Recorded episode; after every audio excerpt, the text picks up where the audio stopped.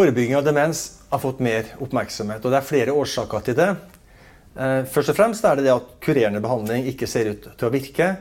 Men også det vi ser at eh, det er mindre sjanse for å få demens nå enn det var for noen år siden. Altså, selv om antallet går voldsomt opp, så går andelen blant eldre ned. Så det er noe som skjer i samfunnet som gjør at sjansen for å få demens går ned. Og kanskje er det noe vi kan bruke for å senke risikoen.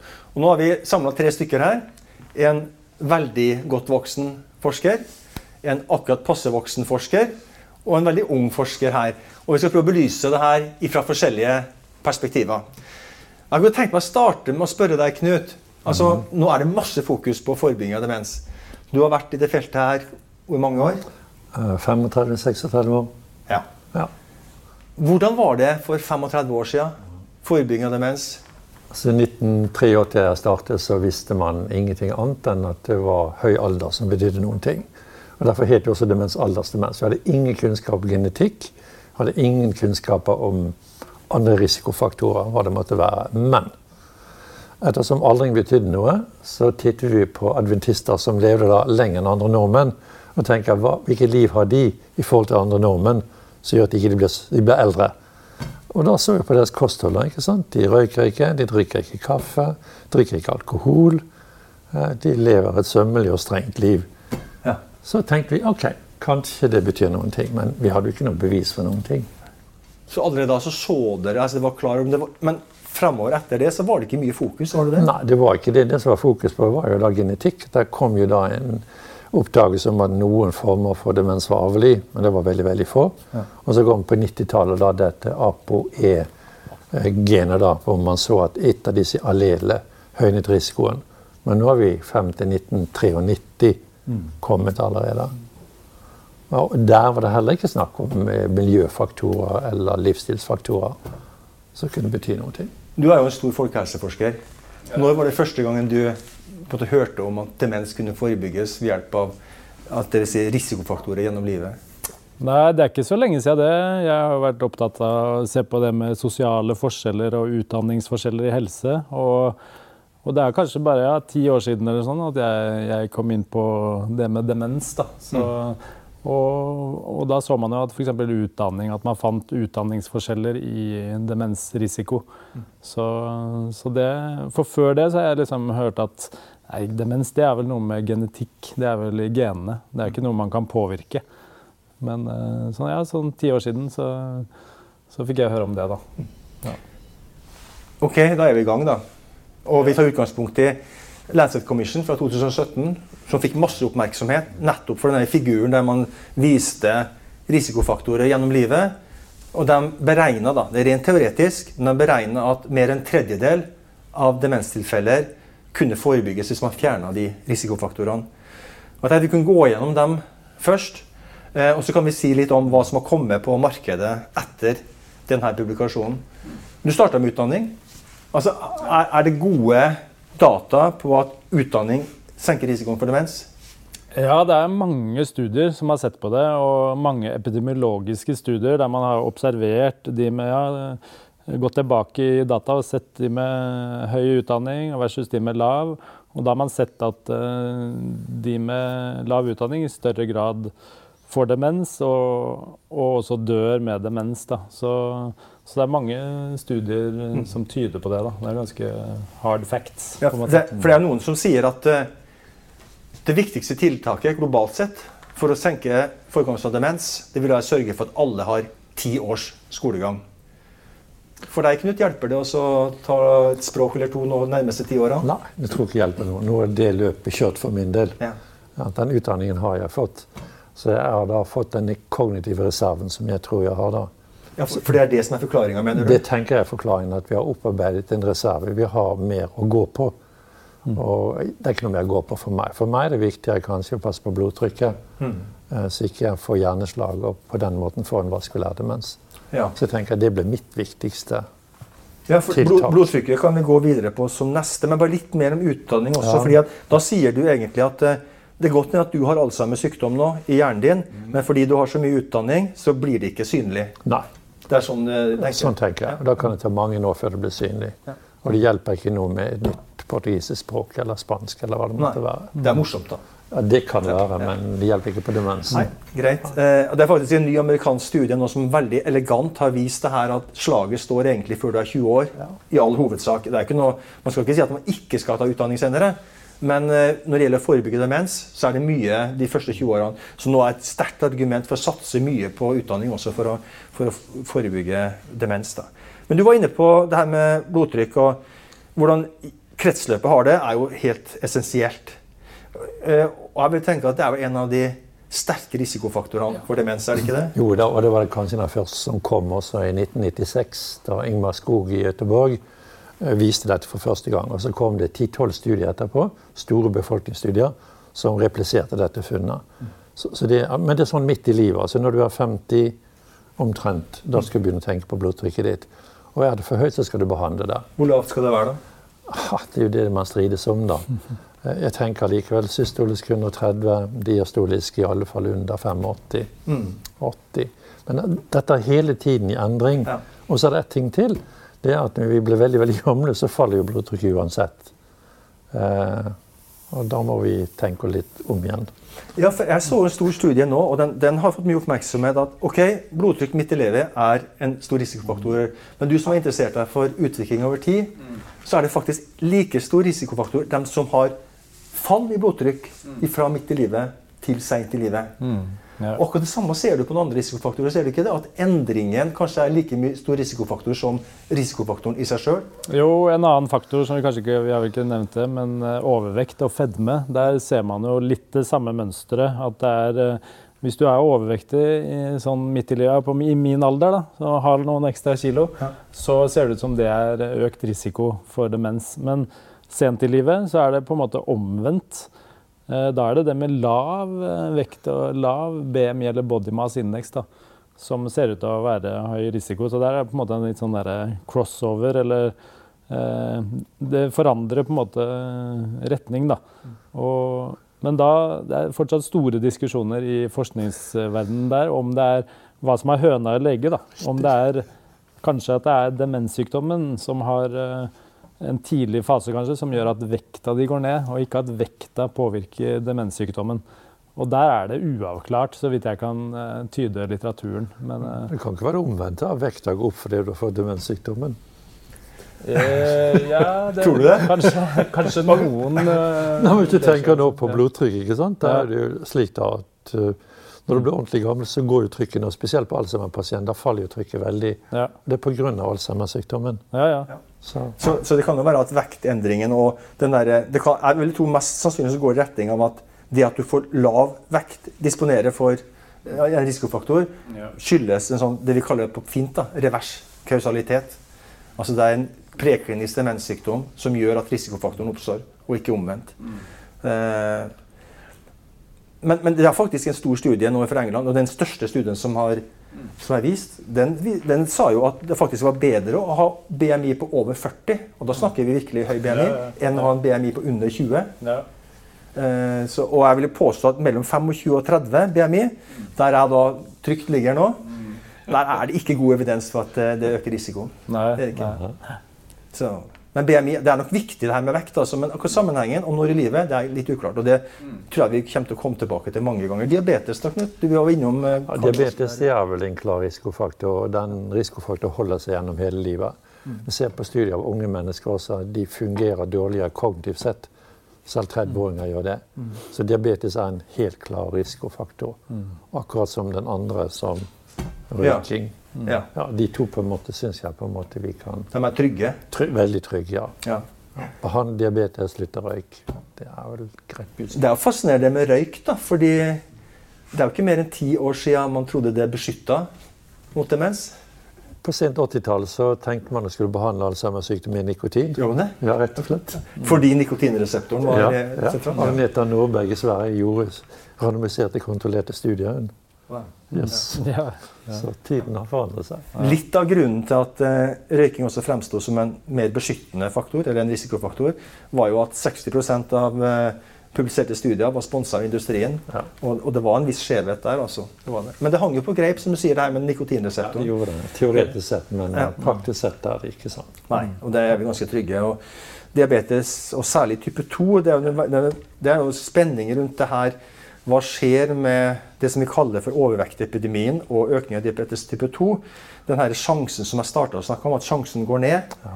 Vil det bli reversert når den, nå, den generasjonen som har høy vekt og mer diabetes type 2, blir eldre? Det er ikke godt å si. Nei, det er ikke godt å si. Vi får vente og se. Mm. Trening, da? Ja, trening er jo et er annet for, Du er for trening? Det bør helst ja. Eh, beskytte.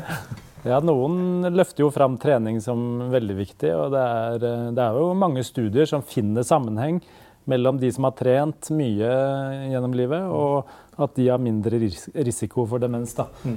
Men, men så, hvis man gjør kontrollerte studier, at man randomiserer én gruppe for trening og én for ikke-trening, og så følger man de over en viss periode, da er det nedslående resultater. Men det kan jo være at, de har, eh, at den perioden de blir trent, er for kort. Ja. At man trenger lengre sånn type studier. Og det er jo veldig komplisert. Eller for seint. Eller for sent, ja. Kanskje man starter for sent. Mm. Så, men hvilken type, hvilken type, trening da? Hvis du ser på de som er kroppsarbeidere, så er jo det ikke noe redusert risiko.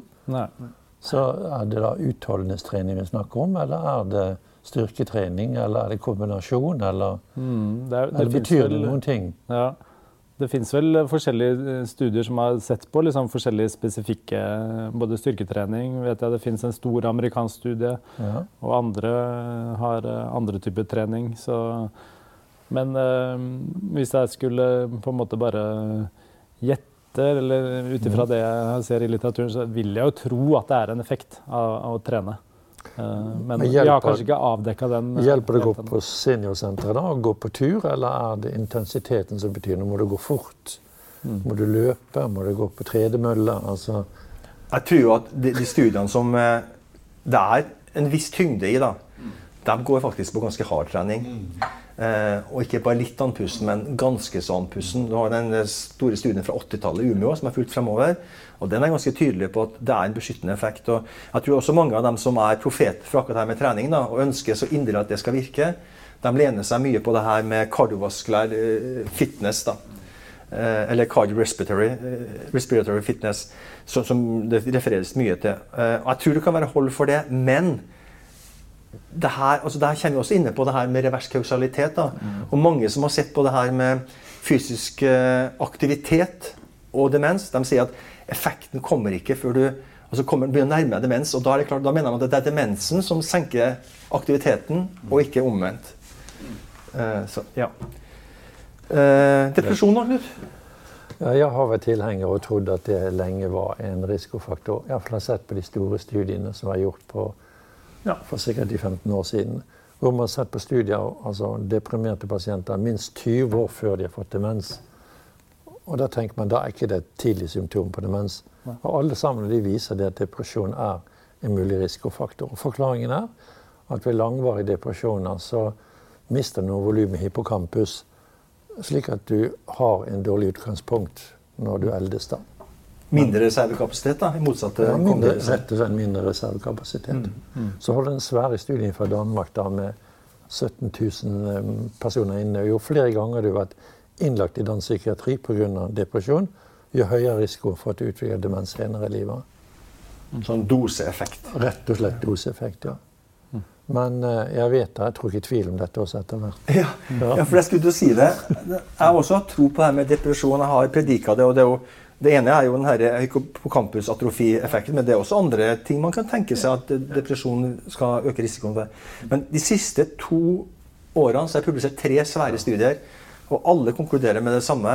Ja, effekten slår egentlig ikke ut før ti år før du får diagnosen demens. Nei. Og da sier man at da er det egentlig et tegn på en snikende start av demens. Så jeg tror Altså, det betyr ikke at det ikke har betydning, men det er nok også en, en sak om at det kanskje er et utslag av revers kausalitet. det her også.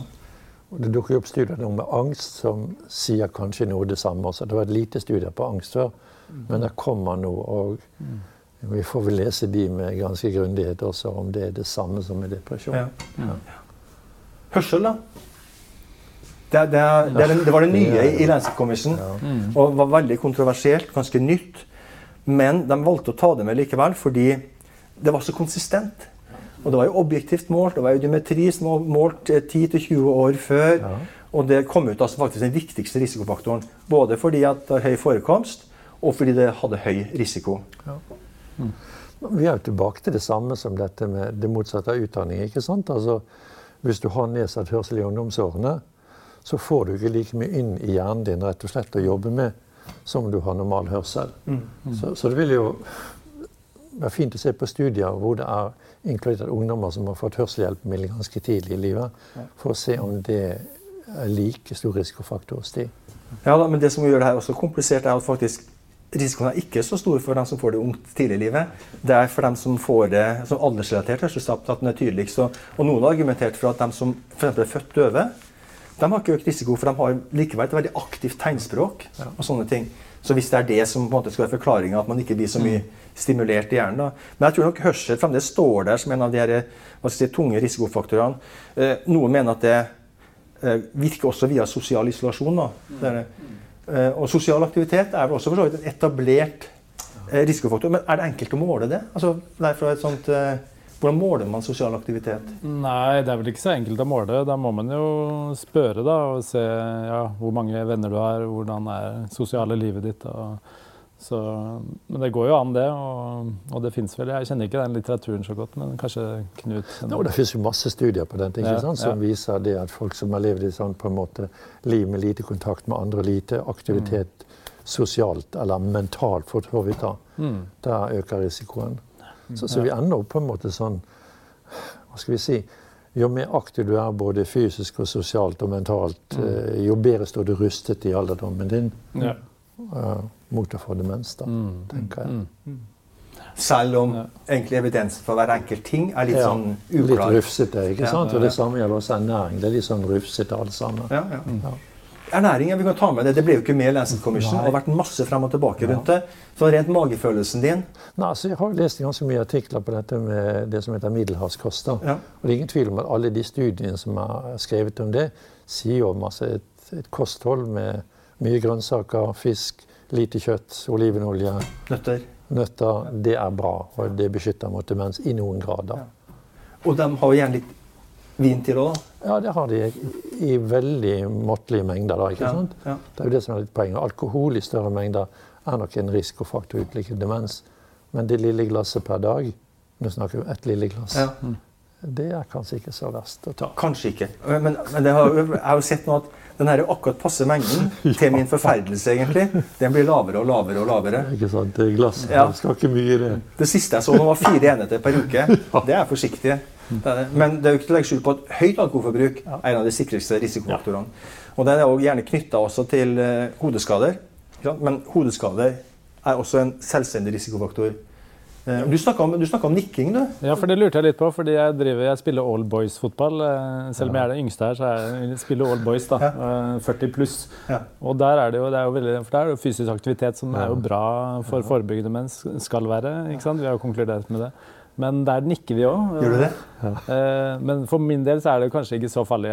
Liksom gammel. Men kanskje hvis man er barn, da. At det er kanskje hva vet man om det, egentlig? Barn bør ikke nikke så mye. Nei, jeg vet Nei. ikke. Hva, eller, eller... Jeg, tror, jeg, tror, det er ganske god dokumentasjon nå at gjentatte hodeskader, mm. og ikke så veldig alvorlige heller, det er forbundet med en økt risiko. Og vi, ja. vi, kjenner jo det her fra boksing. ikke sant? Mm. Det gir jo demens. Ja, ja, eh, men også litt lettere hodeskader. og Man har gjort undersøkelser på ishockey for eksempel, og ja. vi skal ha amerikansk fotball. Ja, ikke sant. Man ser, man ser klart en kognitiv svikt, og man ser også noen biomarkører, sånn som tau f.eks., ja.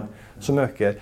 Så jeg ville også vært litt forsiktig med det. Altså. ja, forsiktig med nikkinga. Ja, ja, ja. Andre ting som kommer opp også, er jo det her med forurensning nå. Mm. Altså, som er litt usikkert. og du, Vi snakka litt tidligere, og du sier at nei, hvordan korrigerer man for andre ting. Men det gjelder jo mye. det, er ikke lett å korrigere for alle andre ting her. Mm. Og så er det hvordan det interagerer da med det genetiske apparatet du selv har. ikke sant? Mm. Det er opplagt at det er noen har en genetisk struktur i kroppen sin at uh, de kan nesten gjøre hva de vil. Mm. Mens andre da er utsatt for risiko for mange sykdommer. Ja. Mm. Ja, for de har hatt mm. genetikken tilsier det. Ja.